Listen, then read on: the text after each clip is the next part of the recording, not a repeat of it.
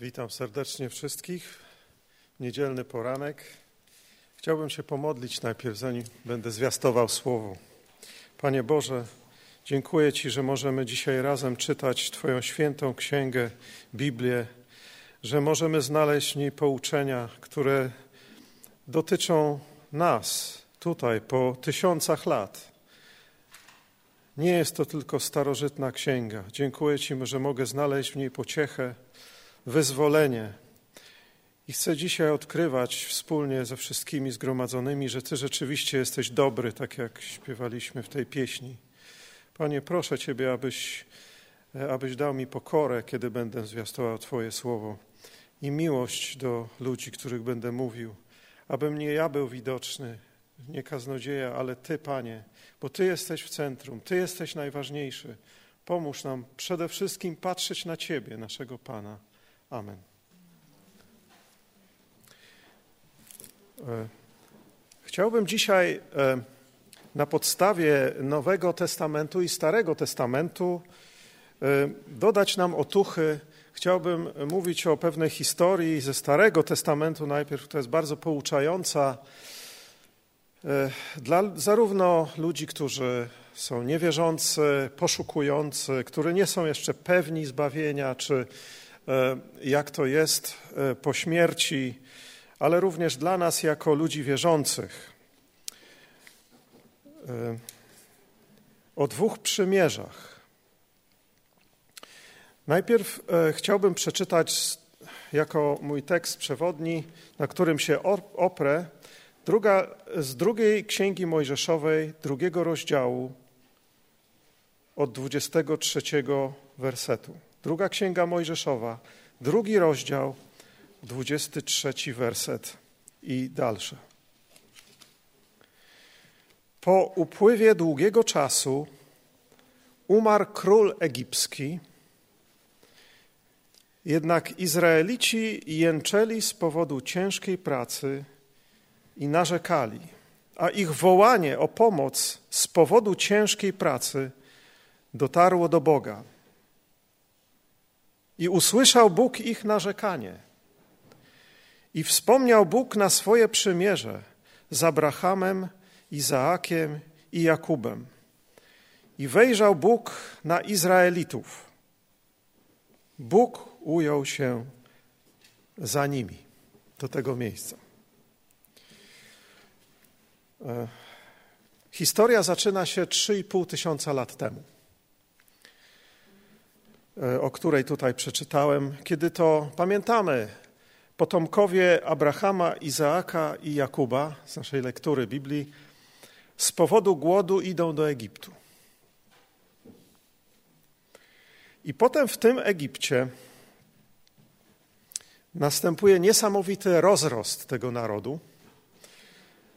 E, kobiety izraelskie są bardzo płodne rodzą bardzo dużo dzieci, co sprawia, że Izraelitów staje się bardzo dużo. Ale to zdenerwowało faraona i wpłynęło na pewne obawy, które miał, że w razie, kiedy będzie jakaś inwazja na Egipt albo, na, albo atak jakiegoś innego kraju, to wtedy Izraelici mogą obrócić się przeciwko Egipcjanom, zjednoczyć się z przeciwnikami. I dlatego postanawia zacząć dręczyć ten naród, nakazując Egipcjanom, żeby zaczęli e, dawać im bardzo dużo pracy.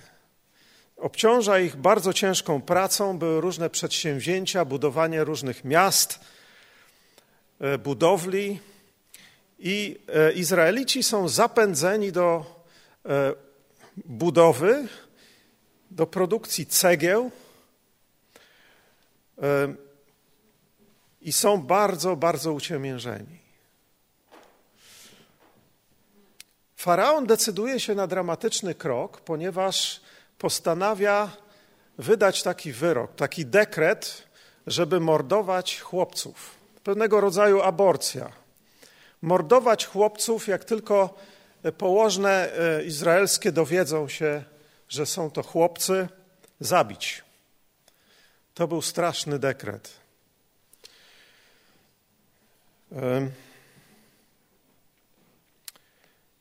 I potem e, dochodzimy właśnie do tego wersetu, który przeczytałem, że Izraelici jęczeli w 23 wersecie z powodu ciężkiej pracy i narzekali, a ich wołanie o pomoc z powodu ciężkiej pracy dotarło do Boga, a więc oni się modlili.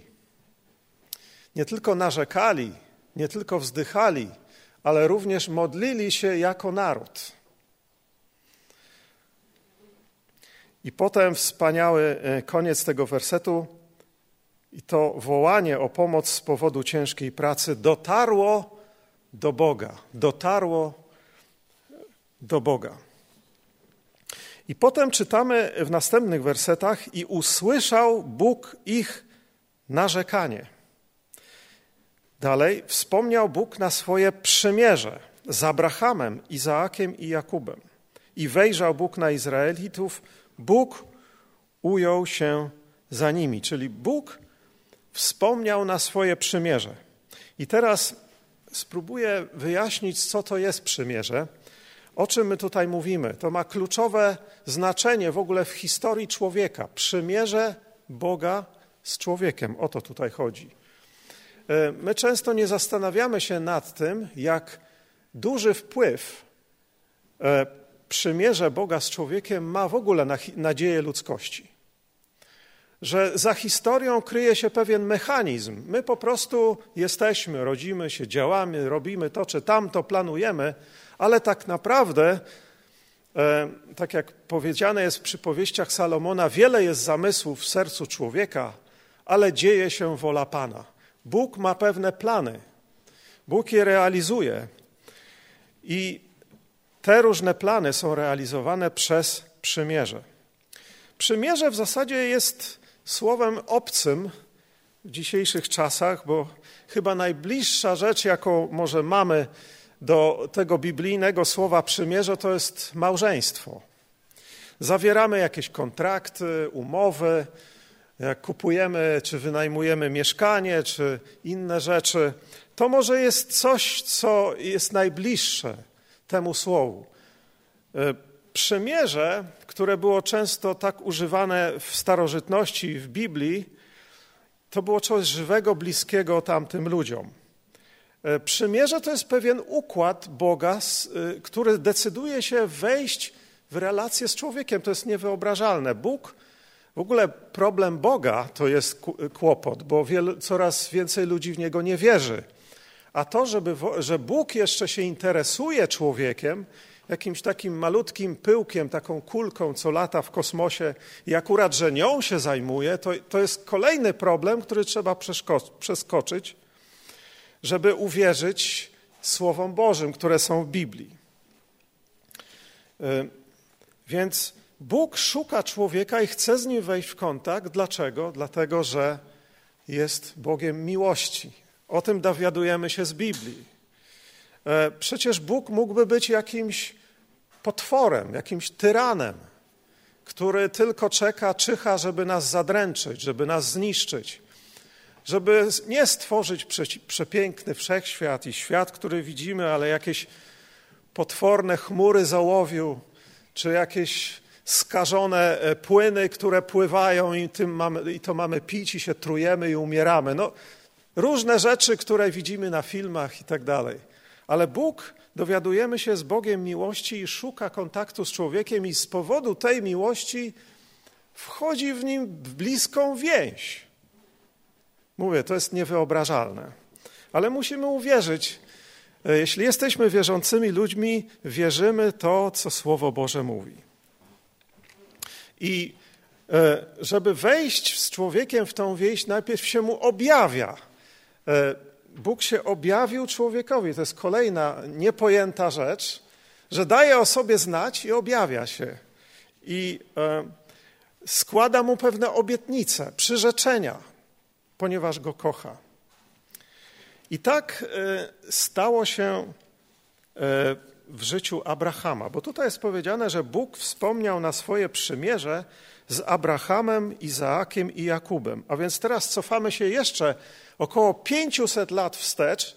Nie dość, że byliśmy już około 3,5 tysiąca lat wstecz, kiedy tą historię czytamy o, e, o Izraelu w Egipcie, ale jeszcze cofamy się e, do gdzieś ponad 4 tysięcy lat wstecz. I teraz e, zastanawiamy się nad Abrahamem, który był bałwochwalcą, Bóg się mu objawia, kiedy jest w Ur Chaldejskim, gdzieś tam w Babilonii i składa mu różne obietnice i prosi go, każe mu wyjść z tego miejsca, gdzie mieszka, gdzieś dzisiaj w, e, we współczesnym Iraku i wędruje setki kilometrów i dociera do ziemi kananejskiej, dzisiejszym Izraelu.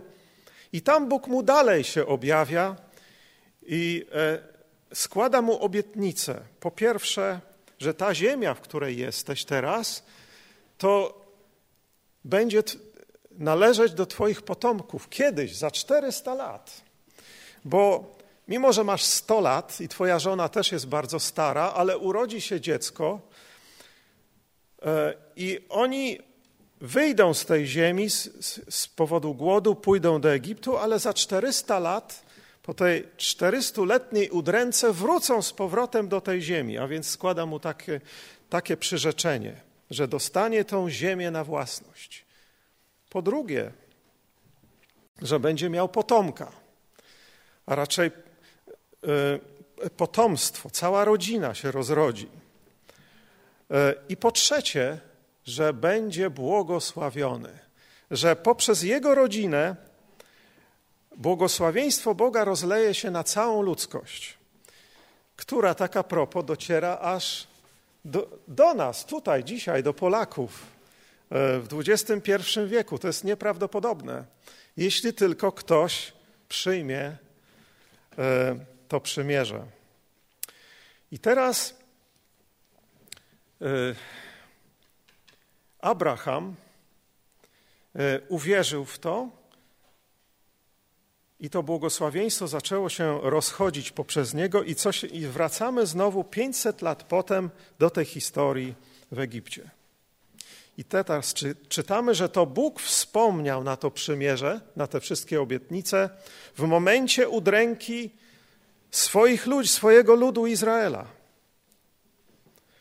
W momencie udręki dotarło do niego to narzekanie i ten krzyk. I to jest dla mnie niesamowite, że po kilkuset latach, po pół tysiącu lat, że Bóg pamięta, co powiedział jakiemuś jednemu człowiekowi. I taki Bóg jest. Kiedy śledzimy Biblię, czytamy ją, ze względu na obietnicę, którą złożył jakimś tam Gibeonitom, czy królowi Dawidowi i tak dalej, ze względu na to, co kiedyś, kilkaset lat temu powiedział, właśnie dlatego to uczyni teraz. To jest nieprawdopodobne. Jak wierny jest Bóg, jak konsekwentny w swoich słowach, które wypowiada. Każde jego słowo jest natchnione i jest trwa, trwałe, trwa na wieki i nigdy się nie zmieni. I potem wiemy, że w wyniku tego wołania i tego faktu, że Bóg wspomniał na to przymierze i że dotarło do niego to narzekanie, wzdychanie i wołanie, objawia się w następnym rozdziale trzecim Mojżeszowi. To jest kolejna historia, którą dobrze znacie, nie będę przytaczał Człowiek, który w dzieciństwie został cudownie wyratowany, nie, nie zginął e, z rąk faraona jako dzidziuś, ale przeżył w koszyczku, którego znalazła córka faraona, przybrała go za syna, stał się księciem, został wykształcony. I oto e, chciał pomóc swoim ludziom udręczonym przez nadzorców egipskich. Widział, jak pewien nadzorca bije jego współbrata Żyda i, i zabił tego e, Egipcjanina, Mojżesz. Chciał pomóc. E, ale potem okazało się, że sprawa wyszła na jaw i z powodu morderstwa musiał uciekać. Musiał uciekać i uciekł na pustynię, gdzie przez 40 lat był nikim. I tam pasł owce, tam również założył rodzinę. I gdzieś po 40 latach przebywania gdzieś w oddali, e, na odludziu, na pustyni, w pewnym momencie zobaczył, że jakiś krzew płonie. Ten krzew płonie, ale dziwnie jakoś płonie, bo się nie spala. Więc bardzo się tym zaciekawił i potem znacie tą już dalej historię, jak Bóg sam przemówił z tego krzewu i powiedział do niego: Napatrzyłem się na niedolę ludu mojego w Egipcie. Słyszałem krzyki z powodu naganiaczy jego. Znam cierpienia jego. Stąpiłem przeto, by go wyrwać z mocy Egiptu i wyprowadzić go z tego kraju do ziemi żyznej i rozległej, do ziemi opływającej w mleko i miód, do siedziby Kananejczyków, Hetejczyków i Amoryjczyków, i Chiwijczyków i Jebuzejczyków. Teraz oto krzyk synów izraelskich dotarł do mnie. Dlaczego? Ze względu na przymierze, które zawarł kiedyś z Abrahamem. Ze względu na tamto wydarzenie i obietnicę, którą złożył, ze względu na swoją własną miłość. To Bóg zrobił. I później mówi Bóg do Mojżesza dalej tak, z krzewu. Widziałem także udrękę, którą Egipcjanie ich dręczą. Przeto teraz idź, posyłam cię do faraona. I jak wiecie, ten moment, to objawienie Boga zmieniło historię człowieka. Wtedy się tak naprawdę zaczęła historia Żydów, narodu izraelskiego. I potem jeszcze czytamy bardzo, bardzo ważne słowa. Ja jeszcze raz je powtórzę, bo to jest ósmy werset. Stąpiłem przeto. No jak Bóg cały czas był, prawda? Bóg jest zawsze obecny, ale tutaj mówi: Stąpiłem przeto. A więc w szczególny sposób stał się obecny w tamtym miejscu, gdzie był Mojżesz i tam, gdzie byli Izraelici. W szczególny sposób. I z powodu tego jego zstąpienia wszystko się zmieniło. I historia człowieka się zmieniła. I dopowiem jeszcze jedno. I historia człowieka zmienia się nadal, kiedy Bóg wstępuje między ludzi. W szczególny sposób, mimo że On jest wszechobecny. On jest w niebie i na ziemi. On jest nawet w piekle. On jest w krainie umarłych. On jest wszędzie, w całym kosmosie. Ale jednak są chwile w historii, kiedy On w szczególny sposób jest obecny. I kiedy czytamy dalszą historię, w jaki sposób Bóg wyratował Izraelitów z Egiptu, to brzmi jak bajka, jak baśnie dla wielu ludzi.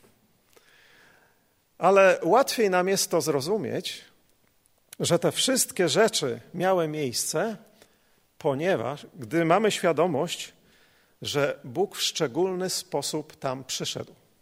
Tam przyszedł. Mimo, że my dzisiaj tak nie e, doświadczamy takiej obecności Boga wśród nas, ale możemy czerpać natchnienie z Biblii, że Bóg chociaż odrobinkę może powtórzyć w naszej historii to samo. My mamy się o to modlić, my mamy się tego spodziewać. Być może takie nauczanie nie jest częste, ale taka nauka płynie z Biblii, że my mamy prosić Boga, aby Bóg powtórzył swoją interwencję i przyjście i żeby się manifestował wśród nas bardziej. Zwłaszcza kiedy nas ostrzega, zwłaszcza kiedy przy, przysyła nam udrękę, ale za chwilę o tym wspomnę. I co się działo dalej? Wiemy, że Bóg w wyniku tego wołania i przymierza, na które wspomniał, wyrywa Izraela z Egiptu poprzez dziesięć sądów, nieprawdopodobnych wydarzeń. Posyła najpierw Mojżesza i Aarona, dwóch braci, do władcy tamtego świata, żeby prosili go, aby wypuścił naród, żeby wypuścił Izraelitów. Oczywiście faraon nie zgadza się, kto to jest ten Pan. Ja go nie znam. Dlaczego bym miał wypuścić mój lud? Mówi w piątym rozdziale. E, ale kiedy patrzymy na te dziesięć plag egipskich, które mają zmienić serce, zmienić decyzję faraona, to jesteśmy po prostu wstrząśnięci. Pierwsza plaga skażona woda, wymierają ryby, nie można pić. To jest straszne. Woda, tak jak tutaj jest powiedziane, jest zamieniona w krew, zaczyna czerwienieć. Druga plaga, plaga żab, okropieństwo, które wchodzą wszędzie, do łóżek nawet, nawet do tych bogatych Egipcjan i muszą spać z żabami. Drugi sąd. Trzecia plaga, plaga komarów. Później plaga czwarta, plaga much. Ale tutaj, przy tej okazji, kiedy nadchodzi ta czwarta plaga, Bóg mówi: Ale w tym dniu wyróżnię ziemię Goszen, w której przebywa lud mój, i nie będzie tam much, abyś poznał, mówi do faraona, że ja, Pan, jestem w pośród tej ziemi. Do Mojżesza i potem do, do e, faraona przez Mojżesza. Abyś poznał, że ja, Pan, jestem pośród tej ziemi. A więc Bóg, ponieważ wspomniał na przymierze, w szczególny sposób osłania swój lud, opiekuje się i nie dopuszcza, aby muchy dręczyły jego lud. To jest popularnie mówiąc muchy, ale wiecie, w gorącym klimacie te muchopodobne owady są dramatyczne. To nas czeka, bo klimat się ociepla. To jest wszystko przed nami. Ale tam była ich plaga. Były ich miliardy. Ale Żydzi byli od tego wolni, Izraelici byli wolni. Ale dlaczego? Dlatego, że Pan Bóg, tak jak jest powiedziane, był w pośród tej ziemi. W szczególny sposób tam był obecny. A kiedy Bóg jest obecny na jakimś terenie, tam gdzie na przykład jest przebudzenie, albo tam gdzie Bóg zainterweniował w szczególny sposób, dzieją się dziwne, trudne do wyjaśnienia po ludzku rzeczy. I tak samo było tam. I Bóg przypomniał tą bardzo ważną prawdę, że to z powodu Jego szczególnej obecności że Izraelici byli chronieni i byli wyróżnieni. Chciałbym powiedzieć, że chrześcijanie też są wyróżnieni w tym świecie. Ludzie wybrani. Uczynię też różnicę między ludem moim i między ludem Twoim. Jutro ukaże się ten znak, mówi Bóg. I potem następuje piąta plaga, Plaga e, wyginięcia bydła egipskiego e, to było straszne, ponieważ Bóg e, spowodował śmierć dobytku, dzięki któremu żyli. Ale potem jest powiedziane, i uczyni Pan różnicę. I znowu, bydło Izraelitów, a bydło Egipcjan była różnica nie zginie nic z tego, co należy do Izraelitów. Potem mamy plagę wrzodów, e, które pokryły Egipcjan. Za każdym razem, e, o tym nie wspominałem, czarownicy, okultyści egipscy również towarzyszyli tym e, tym, e, tym wizytom Mojżesza i Aarona przed faraonem i próbowali robić to samo, zesłać te same plagi, które zsyłał Bóg przez Mojżesza. E, I dotychczas im się to udawało. Nawet laska Aarona, która zamieniła się w węża przed faraonem, również E, e, czarownicy zrobili to samo. Oni też rzucili swoje laski i one się zamieniły w węże. Tyle, że laska, wąż Aarona pożarł e, węże tamtych czarowników. To była ta różnica. Ale potem tak samo naśladowali te różne plagi komarów, much i tak dalej, ale kiedy przychodzi plaga wrzodów, czarownicy niestety nie mogli stanąć już przed Mojżeszem z powodu wrzodów, bo czarowników pokryły wrzody tak samo jak wszystkich Egipcjan. I tutaj czarownicy odpadają z walki. Są wyeliminowani. I teraz następuje siódma plaga gradu. Straszny, e, straszna plaga. To były jednocześnie i grad, e, potężnej e, wielkości kawały gradu, jak i ogień, błyskawice. I tutaj przy tej okazji Bóg mówi do faraona przez Mojżesza w szesnastym wersecie dziewiątego rozdziału. Lecz tylko dlatego zachowałem cię przy życiu dotychczas, poprzez te wszystkie plagi, by ci pokazać swoją siłę i by rozgłaszano imię moje po całej ziemi. Niektórzy Egipcjanie już podczas tej siódmej plagi zaczynają się bać słowa pańskiego, jest napisane w dwudziestym wersecie, i dlatego zaczęli chronić swój dobytek przed kolejną plagą, która mogłaby im wszystko zniszczyć albo ich samych zabić.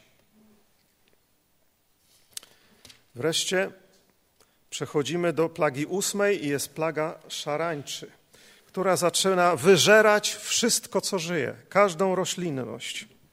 Następuje wielka bieda. E, I wreszcie słudzy faraona w tym momencie, już w czasie tej ósmej plagi, mówią do niego: Jak długo będzie nam ten człowiek przynosił nieszczęście? Wypuść tych ludzi, aby służyli Panu Bogu swemu. Czy jeszcze nie rozumiesz, że Egipt ginie? Ale jednak cały czas faraon nie zmienia się. E, dziewiąta plaga to plaga ciemności. Nic nie było widać. Nikt nie mógł się ruszać z miejsca. I wreszcie ostatnia, najstraszliwsza plaga, dziesiąta, kiedy Bóg mówi: O północy przejdę przez Egipt i pomrą wszyscy pierworodni w ziemi egipskiej, od pierworodnego syna faraona, który miał zasiąść na jego tronie, aż do pierworodnego syna niewolnicy która jest przy żarnach i wszelkie pierworodne bydła i powstanie wielki krzyk w całej ziemi egipskiej, jakiego przedtem nie było i potem nie będzie. I potem, jak wiemy, Pan Bóg również zrobił różnicę, że nikogo nie ruszył w ziemi Goszen. Żaden z Izraelitów nie zmarł tej nocy. Jest nawet powiedziane takie bardzo obrazowe słowa w siódmym wersecie jedenastego rozdziału, lecz na nikogo z Izraelitów nawet pies nie warknie, ani na ludzi, ani na bydło, abyście poznali, że Pan robi różnicę między Egipcjanami a Izraelem. A więc kiedy ten anioł śmierci przechodził, nawet pies nie warknął. Nic się nie stało. Dlaczego? Dlatego, że złożona została ofiara, a w każdym przymierzu jest ofiara. O tym nie będę w to wchodził teraz zbytnio, ale ofiara, którą składał Abraham, i tutaj również Bóg kazał złożyć ofiarę z baranka i wziąć tą krew i pomazać odrzwia, że kiedy będzie przechodził anioł śmierci, nie tknie nikogo, kto mieszka e, w tym domostwie, tej rodziny e, i będą bezpieczni. I to oczywiście jest symbolem, ta ofiara jest symbolem tej ostatecznej ofiary Mesjasza w przyszłości, za setki lat później. I ze względu właśnie na tą ofiarę nic się nie stało. I po, tym, po tej ostatniej pladze e, Mojżesz został wezwany i Aaron również w nocy jeszcze, kiedy faraon zobaczył, że jego pierworodny syn nie żyje, Wstańcie, mówi, wyjdźcie spośród ludów mojego, zarówno wy, jak i synowie izraelscy, idźcie, służcie Panu, jak mówiliście. Zabierzcie też trzody, bydło, idźcie, a błogosławcie też i mnie, mówi Faraon. Ale potem, jak wiemy, również e, odwróciła się jego decyzja i zaczął ścigać Izraela, który już wyszedł. Ciekawe, że Faraon za każdym razem jest bardzo twardy. E, przy pierwszej, przy, y, kiedy mm, laska Arona zamieniła się w węża, jest powiedziane, że serce faraona pozostało nieczułe i nie usłuchał ich. Przy plagi wody zamienionej w krew jest napisane, że serce faraona pozostało nieczułe. Przy pladze żab czytamy i zaciął się w sercu swoim i nie usłuchał ich. Przy pladze komarów powiedziane jest tak: Lecz serce faraona pozostało nieczułe, chociaż czarownicy mówili mu: W tym jest palec Boży.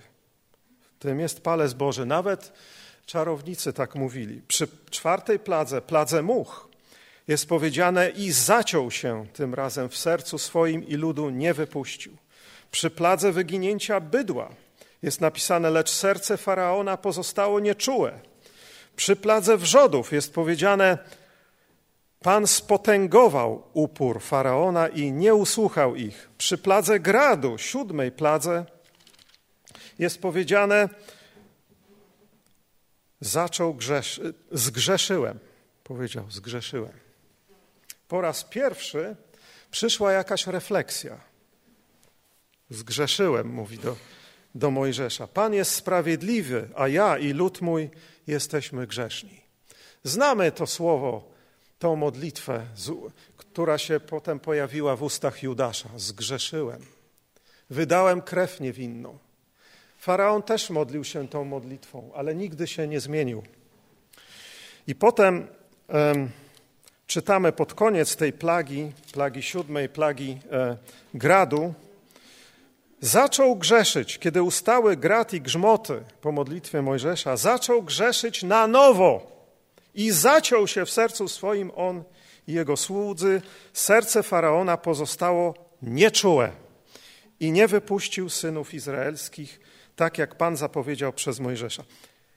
Przy ósmej pladze, pladze szarańczy, jest powiedziane: Pan przywiódł do zatwardziałości serce faraona, tak iż nie wypuścił synów ludzkich. Przy dziewiątej pladze, pladze ciemności, jest powiedziane: Pan doprowadził do zatwardziałości serce faraona, tak iż nie chciał ich wypuścić. I dopiero musiała przyjść plaga dziesiąta, kiedy powiedział: Wstańcie, wyjdźcie, mam dosyć. Ale kiedy patrzymy na to serce faraona, spójrzmy na nasze serca. To jest największa plaga. Jeszcze większa niż te dziesięć. Twarde serce człowieka, które nie chce się zmienić pod wpływem Bożych sądów, Bożych ostrzeżeń, Bożych interwencji, cierpień, udręk, chorób, epidemii, wojen Człowiek jest skłonny, tak jak w objawieniu Jana w Apokalipsie napisane, wymachiwać swoją pięścią przeciwko niebu i wściekać się na Boga. Dlaczego śmiał? On jest przecież miłością. Dlaczego On to zsyła na nas? Ale nasze serca są nieczułe. Zwłaszcza w XXI wieku, w dobie materializmu, hedonizmu, liberalizmu, Nasze serca są nieczułe. Nie chcą się zmienić. Idziemy do kościoła, słuchamy Słowo Boże, jesteśmy na nabożeństwie, jesteśmy na mszy, ale potem wychodzimy i robimy swoje. Popełniamy te same stare grzechy. I nawet my, jako wierzący ludzie, często wiele Bogu obiecujemy, przeżywamy różne rzeczy na ewangelizacjach i na nabożeństwach i na obozach. Ale często się zdarza, że potem człowiek wychodzi z tego miejsca i znowu popełnia te same grzechy, kłóci się z żoną albo z mężem, albo jest niedobry dla swoich dzieci, albo postępuje nieuczciwie w pracy, albo, albo polega bardziej na sobie niż na Bogu, na swoich własnych siłach, na swoich własnych środkach zaradczych. Bo nasze serce jest nieczułe. Ileż to razy mówiliśmy do siebie, módlmy się o przebudzenie. I co? Modlimy się. Każdy z nas może odpowiedzieć, na ile, ile spędzamy czasu, żeby Bóg przyszedł i był obecny wśród nas, żeby ogromne ilości ludzi były zgarnięte do Królestwa Bożego, żeby wielu ludzi nie szło do piekła, ale szło do nieba. To powinno być troską Kościoła bardziej niż polityka, niż sprawy społeczne, niż sprawy ziemskie, ponieważ ostatecznie czas, który tutaj spędzamy, jest zerem w porównaniu z wiecznością. Dlaczego więc tak mało zastanawiamy się nad wiecznością? Nad tym, co będzie po śmierci? Dlaczego nasze serca są nieczułe? Dlaczego nie modlimy się o ożywienie Kościoła? Dlaczego nie ufamy Bogu, że On może uczynić pewne rzeczy jeszcze raz? Może nie dokładnie tak, może nie w takim stopniu, ale może uczynić jeszcze raz. Może przyjść do nas i błogosławić nas ze względu na przymierze z Abrahamem i na błogosławieństwo, które obiecał, e, które będzie się rozprzestrzeniać przez e, tą rodzinę i potem dalej. A wiecie, co powiedział w liście do Galacjan Duch Święty przez apostoła Pawła? Że to błogosławieństwo abrahamowe rozejdzie się na cały świat, przejdzie na pogan i na nas, Polaków również w tym. E, I jest to Duch Święty, który jest dany ludziom. To jest to błogosławieństwo. Czytajmy list do Galacjan, tam jest o tym powiedziane. I teraz E, chciałbym przejść szybciutko do drugiego przymierza, o którym e, obiecałem, że wspomnę. Mijają tysiące lat. Dwa i pół tysiąca lat, nie, półtora tysiąca lat i jesteśmy z Jezusem. Jesteśmy z Jego dwunastoma uczniami, którzy przechadzają się po ziemi falestyńskiej. Jezus naucza, dzieją się wspaniałe rzeczy, uzdrawia, e, leczy e, chorych, leczy trąd, leczy e, ludzi, którzy są ślepi. I pewnego dnia nadchodzi koniec jego życia, tego ziemskiego, i jest wieczerza pańska. I znamy doskonale werset, który za chwilę Wam przeczytam, ponieważ jest on tyle razy powtarzany, przy okazji każdej wieczerzy pańskiej niemalże w tylu kościołach chrześcijańskich, że aż e, przyzwyczajamy się do niego tak bardzo, że niezbyt się wgłębiamy w tę treść. Ale chciałbym ją dzisiaj nam wszystkim odświeżyć. 26 rozdział Ewangelii Mateusza, 27 i 28 werset. Potem wziął kielich to była ostatnia już wieczerza, którą miał spożyć ze swoimi najbliższymi mu ludźmi, z dwunastoma uczniami. Wziął kielich i podziękował, podziękował, dał im, mówiąc: Pijcie z niego wszyscy. Albowiem to jest krew w tym kielichu, który trzymam właśnie. To jest krew moja nowego przymierza, która się za wielu wylewa na odpuszczenie grzechów. Ale powiadam wam, nie będę pił odtąd tego, z tego owocu winorośli aż do owego dnia, gdy go będę pił z wami na nowo w królestwie Ojca mego. I ten jedyny werset, muzyczny werset w Ewangeliach. A gdy odśpiewali hymn, wyszli ku górze oliwnej. Chciałem zwrócić uwagę na 28 zwłaszcza, albowiem to jest krew moja nowego przymierza. W, zasadzie mamy jedno przymierze, które jest odnawiane. Było przymierze z Noem, pamiętamy ci, którzy studiują Biblię, było przymierze z Abrahamem, było przymierze z Mojżeszem. E, te wszystkie e, przymierza jak gdyby jednak wskazują na to jedno największe, kiedy to Jezus, Mesjasz, miał umrzeć i oddać swoją krew. Te wszystkie ofiary, które były składane, wskazywały na tą jedną największą. I tak naprawdę to, to przymierze ma kluczowe znaczenie. Tamte tylko je zapowiadało. Zapowiadały tamte poprzednie. I teraz Jezus nagle mówi: że jest nowe przymierze. Jest stare, ale jest teraz nowe. którą Bóg z Jezusem zawarł. I ze względu na to przymierze, Bóg dzisiaj jest łaskawy dla tych, którzy je przyjmują. Dla tych, którzy uwierzą w Jezusowi. Tutaj jest powiedziane, ta krew przymierza wylewa się na odpuszczenie grzechów. Co, jaka jest obietnica tego przymierza? Że grzechy człowieka zostaną odpuszczone. Jaka jest treść tego przymierza? O co tutaj w nim chodzi? W tej bliskiej więzi, którą Bóg zawarł z człowiekiem poprzez Jezusa Chrystusa. Czytamy znany werset w Ewangelii Jana trzecim rozdziale. Albowiem tak Bóg umiłował świat, że Syna swojego jednorodzonego dał, aby każdy, kto w Niego wierzy, nie zginął, ale miał życie wieczne. Bóg dał swojego Syna, a tak naprawdę to On sam przyszedł jako Bóg, który się wcielił. To jest nieprawdopodobne i trudne do uwierzenia, że Bóg stał się człowiekiem. Jak mówię, najpierw trzeba w Boga uwierzyć, że On w ogóle istnieje, a co dopiero uwierzyć w to, że On stał się człowiekiem.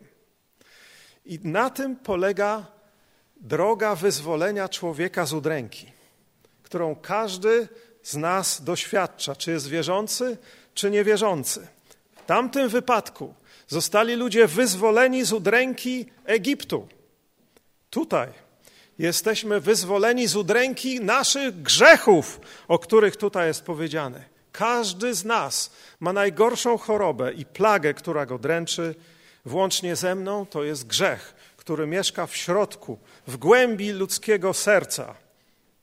I to jest ta największa udręka, jaką człowiek ma. Mimo, że dzisiaj uśmiechamy się, grzech, cóż to za problem? Grzech dla wielu kojarzy się z przyjemnością. Ale jest to na tyle poważna rzecz, na tyle poważna rzecz, że sam Bóg przyszedł na ten świat i dał się ukrzyżować jako człowiek. Dał się zamordować za to, żeby zwalczyć tą chorobę. A więc to jest tak ważne, tak istotne, że aż taką ofiarę Bóg musiał ponieść, ponieważ tak bardzo kocha. To jest najbardziej niesamowita historia Biblii, która jest zawarta w Ewangeliach. I to jest ta treść tego przymierza, które zawarł Bóg z człowiekiem, tak naprawdę, że przez to, że posłał swojego syna, żeby został wydany na śmierć, zostaniemy uwolnieni z udręki grzechów, a co za tym idzie, kiedy umrzemy, będziemy na zawsze z Bogiem. Nie pójdziemy do piekła. Dzisiaj ludzie się zastanawiają, a co tam? My mówią sobie, co ja będę się przejmował e, fikcją. To jest dla wielu ludzi Biblia to jest fikcja, wiara to jest fikcja. Ja wolę się zajmować realnymi sprawami. Ale w momencie, kiedy umieramy, umrzemy, a większość z ludzi umiera, umrze, e, nagle zderzymy się z czymś jeszcze bardziej realnym niż ten tak zwany realny fizyczny świat. E, jest takie słowo zawarte w liście do Rzymian, które e, wyjaśnia jeszcze bardziej, przybliża nam praktyczność tego przymierza z człowiekiem. Jest powiedziane tak: każdy, kto wzywa imienia Pańskiego, imienia Jezusa, zbawiony będzie. Każdy, kto wzywa imienia Pańskiego, zbawiony będzie. Pamiętacie, przeczytałem Wam o wzywaniu, o wołaniu Izraelitów. Jak bardzo wołali, i Bóg reaguje na wołanie człowieka. Ileż jest świadectw, ile jest historii, setki, tysiące świadectw. I nawet ludzie niewierzący, których czasami słucham, mają pewne świadectwa, które sprawiają, że zaczynają się zastanawiać. Bóg odpowiada człowiekowi na jego wołanie w udręce. Dlaczego? Dlatego ze względu na przymierze z Jezusem ze względu na ofiarę i krew Jego najdroższego Syna. On jest dobry dla innych ludzi. Każde dobro, które nas spotyka, nawet dzisiaj, to, że dzisiaj nie mamy wojny, na przykład. Albo to, że jesteśmy syci, siedzimy z pełnymi żołądkami dzisiaj, nie jesteśmy głodni, że jesteśmy zdrowi, że nie jesteśmy chorzy na koronawirusa na przykład, to jest dlatego, ze względu na to przymierze. Bóg jest dobry. A przecież moglibyśmy już wszyscy ulec zagładzie i być w piekle. A jednak cały czas Bóg jeszcze zachowuje nas e, przed tym, co najgorsze. Nie zakładajmy z góry dobra, że tak powinno być, że każdy z nas powinien odczuwać to szczęście. Nie, to tylko dlatego, że Jezus Chrystus umarł i Bóg ze względu na tą ofiarę jest dla nas przychylny i dobry. Każdy, kto wzywa imienia Pańskiego, zbawiony będzie. To jest wspaniała obietnica zbawienia. Kiedy czytamy Ewangelię, mamy wiele takich historii wzywania Jezusa. Bartymeusz, który był ślepcem, siedział przy drodze. Szedł tłum, na czele idzie Jezus, zbliża się do Jericha. I ten człowiek, ślepiec, kiedy dowiedział się, że nadchodził Jezus, co zrobił? Zaczął wołać z całych sił: Jezusie, synu Dawidowy, zmiłuj się nade mną. I to wielokrotnie powtarzał, mimo że go uciszano. Wreszcie Jezus odezwał, y, zareagował, zatrzymał się, zapytał się, co chcesz, abym ci uczynił. A on mówi, Panie, aby, abym widział. I tak mu się stało. I, po, I potem Jezus powiedział: Wiara Twoja uzdrowiła Cię. Bo czymże jest tak naprawdę wzywanie imienia Jezusa, jeśli nie wiarą?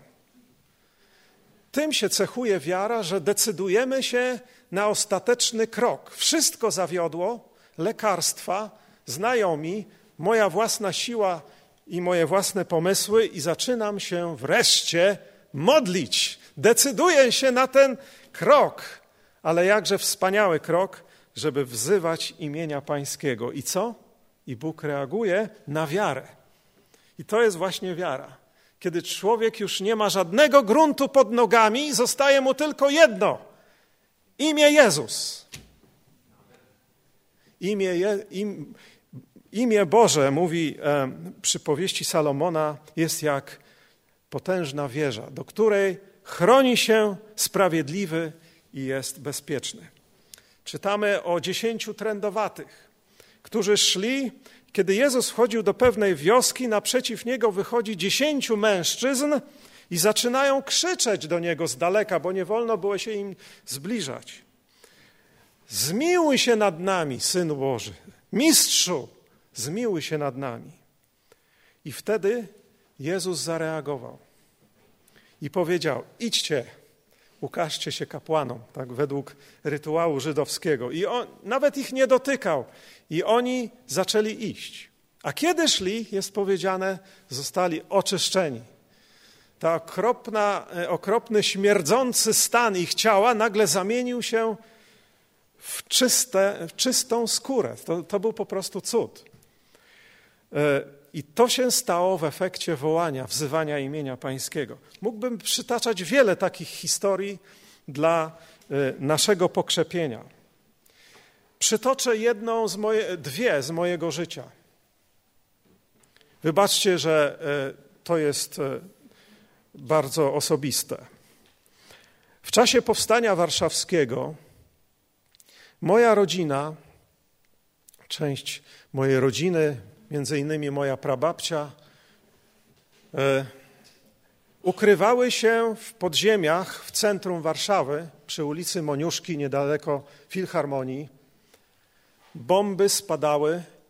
Już po wyjściu powstańców, po kapitulacji powstania, Niemcy, jak wiecie, postanowili e, zrównać e, Warszawę z ziemią jako zemsta, żeby tych bandytów Polaków banditen, żeby zniszczyć to buntownicze miasto, żeby przestało istnieć. I właśnie i Komisja Historyków Niemieckich wybierała najcenniejsze obiekty w naszym mieście i potem przekazywała informacje specjalnym formacjom wojskowym, które niszczyły miasto regularnie poprzez dynamit, poprzez podkładanie, e, poprzez wysadzanie w powietrze i bombardowanie i po kolei, zwłaszcza centrum. I w tym właśnie centrum siedziała moja rodzina, moja prababcia, e, z tłumem ludzi w jednej z piwnic. Historia jest długa, skracam ją. Powtarzana jest w mojej rodzinie niejednokrotnie. E, może być może wielu z nas żyje do dzisiaj. W każdym bądź razie jedna z bomb spadła na budynek, w którym tam moja rodzina była. Zniszczyła kilka pięter. Potem spadła jeszcze jedna olbrzymia bomba, jedna z największych, jakie Niemcy mieli w swoim arsenale. Było tylko kilka takich bomb e, e, zrzuconych na Warszawę. Ona spowodowała, że E, wszystkie piętra się zawaliły, bomba poszła w dół do samego końca, do piwnicy, tam, gdzie siedzieli ci ludzie i moja rodzina. I zaryła się w ziemi tuż przy wejściu i nie wybuchła. Moja prababcia zawsze miała zwyczaj czytać Biblię. Siedziała sobie w kąciku, modliła się i oczywiście inni członkowie mojej rodziny też. I za każdym razem, kiedy jakaś bomba nadlatywała, wszyscy lecieli do tego kącika, bo mówili, że to jest święta kobieta.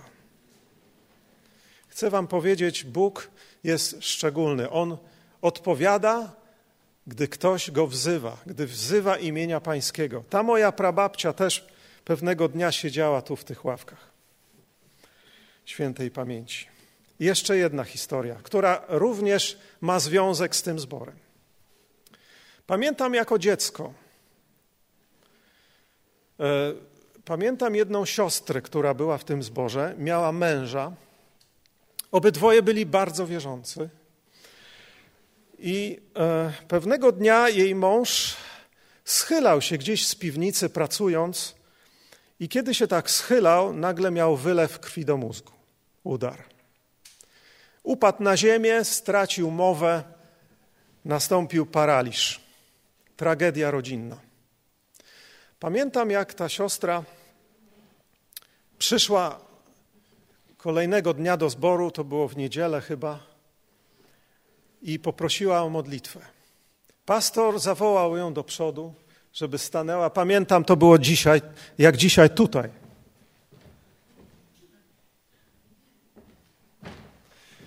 Tam była kazalnica kiedyś. Ona stała obok, pastor za kazalnicą. Zbór wstanął i pastor e, powiedział: Siostro, módl się, my się do ciebie przyłączymy. Pamiętam, że ta modlitwa była niesamowita. Ja jej nie, nie zapomnę do końca życia. Jak ona podniosła ręce do nieba, jak zaczęła wzywać imienia Jezus, że wszyscy byli w szlochu, wszyscy płakali. Wszyscy się modlili, nawet ja, może miałem, nie wiem, 12 lat. I to było nieprawdopodobne przeżycie. Obecność Boża na tej sali. Pamiętam, że chyba na zajutrz ta siostra wróciła do swojego męża, a on wstał, mówił, wrócił do normalnego życia i żył jeszcze sporo lat. To jest efekt wzywania imienia Pańskiego. Mógłbym Wam przywoływać wiele historii Wy, większość z Was macie takie historie. Dlaczego? Dlatego, że Bóg wspomniał na swoje przymierze z Jezusem. Na tą ofiarę, dzięki której jest nam przychylny, jest dobry. Wzywajmy Jego imienia. Zwracam się do tych, którzy jeszcze nie oddali swojego życia Bogu, którzy jeszcze nie uregulowali swoich spraw z Bogiem, którzy poszukują, którzy nie wiedzą, co dalej po śmierci. Może coś tam jest, a może nie ma. Jakiś niepokój jest wzbudzany przez tego typu wypowiedzi. Mój przyjaciel z lat studiów powiedział takie słowa, które, które ostatnio przeczytałem sobie, że życie człowieka jest bardzo poważne. To jest poważna sprawa. Dlaczego? Dlatego, że jest obarczone ryzykiem wiecznego cierpienia. Żyjemy tu krótko, ale jeśli tutaj w ciągu tego krótkiego czasu nie oddamy życia Chrystusowi, Jeśli nie pojednamy się z Bogiem, jeśli nie będziemy prosić Go o przebaczenie grzechów i tak odejdziemy w ciemną otchłań śmierci, biada, jesteśmy skazani na wieczne cierpienie. Obawiam się, że lepiej teraz tą sprawę rozwiązać, niż dopiero zastanawiać się nad nią po śmierci, bo nie ma drugiej szansy. Dlatego każdy, kto wzywa imienia Pańskiego, zbawiony będzie, a więc róbmy to. Koronawirus jest tylko malutkim ostrzeżeniem, żeby zacząć szukać Boga. Ale ludzie ciągle, tak jak faraon, są zatwardziali. Jak tylko przejdzie trochę, wracamy jak pies do wymiocin, do starego życia. Jak świnia do, do błota, tak jak mówią przypowieści Salomona, tak człowiek wraca do swojego grzechu, do starego życia, bo jego serce jest nieczułe, jest twarde. Dlatego to są sygnały, które są ostrzeżeniem. Niech nie, nie odejdą w niepamięć, bo może nie być już drugiego ostrzeżenia. Dlatego szukajmy Boga, otwórzmy nasze usta, podejmijmy tą radykalną decyzję, zacznijmy mówić do Boga. Ileż czasu spędzamy na mówieniu do koleżanek, kolegów, przyjaciół, rodziny, godziny całe spędzamy. A ile czasu spędzamy z Bogiem, który jest realny, chociaż nie objawia się naszym zmysłom.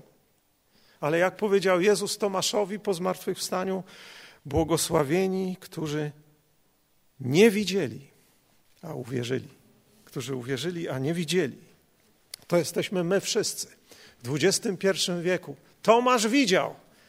Zazdrościmy mu. My nie widzieliśmy, ale dlatego jesteśmy błogosławieni, bo uwierzyliśmy. Jeśli ktoś uwierzy, bo wzywał imienia Pańskiego, będzie zbawiony. Przyjacielu, przyjaciółko, to jest nasza szansa.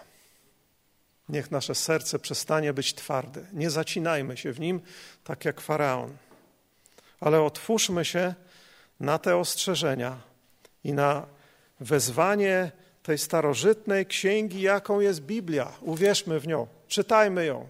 Naprawdę warto. Dzięki niej po śmierci będziemy na zawsze z Bogiem. Amen.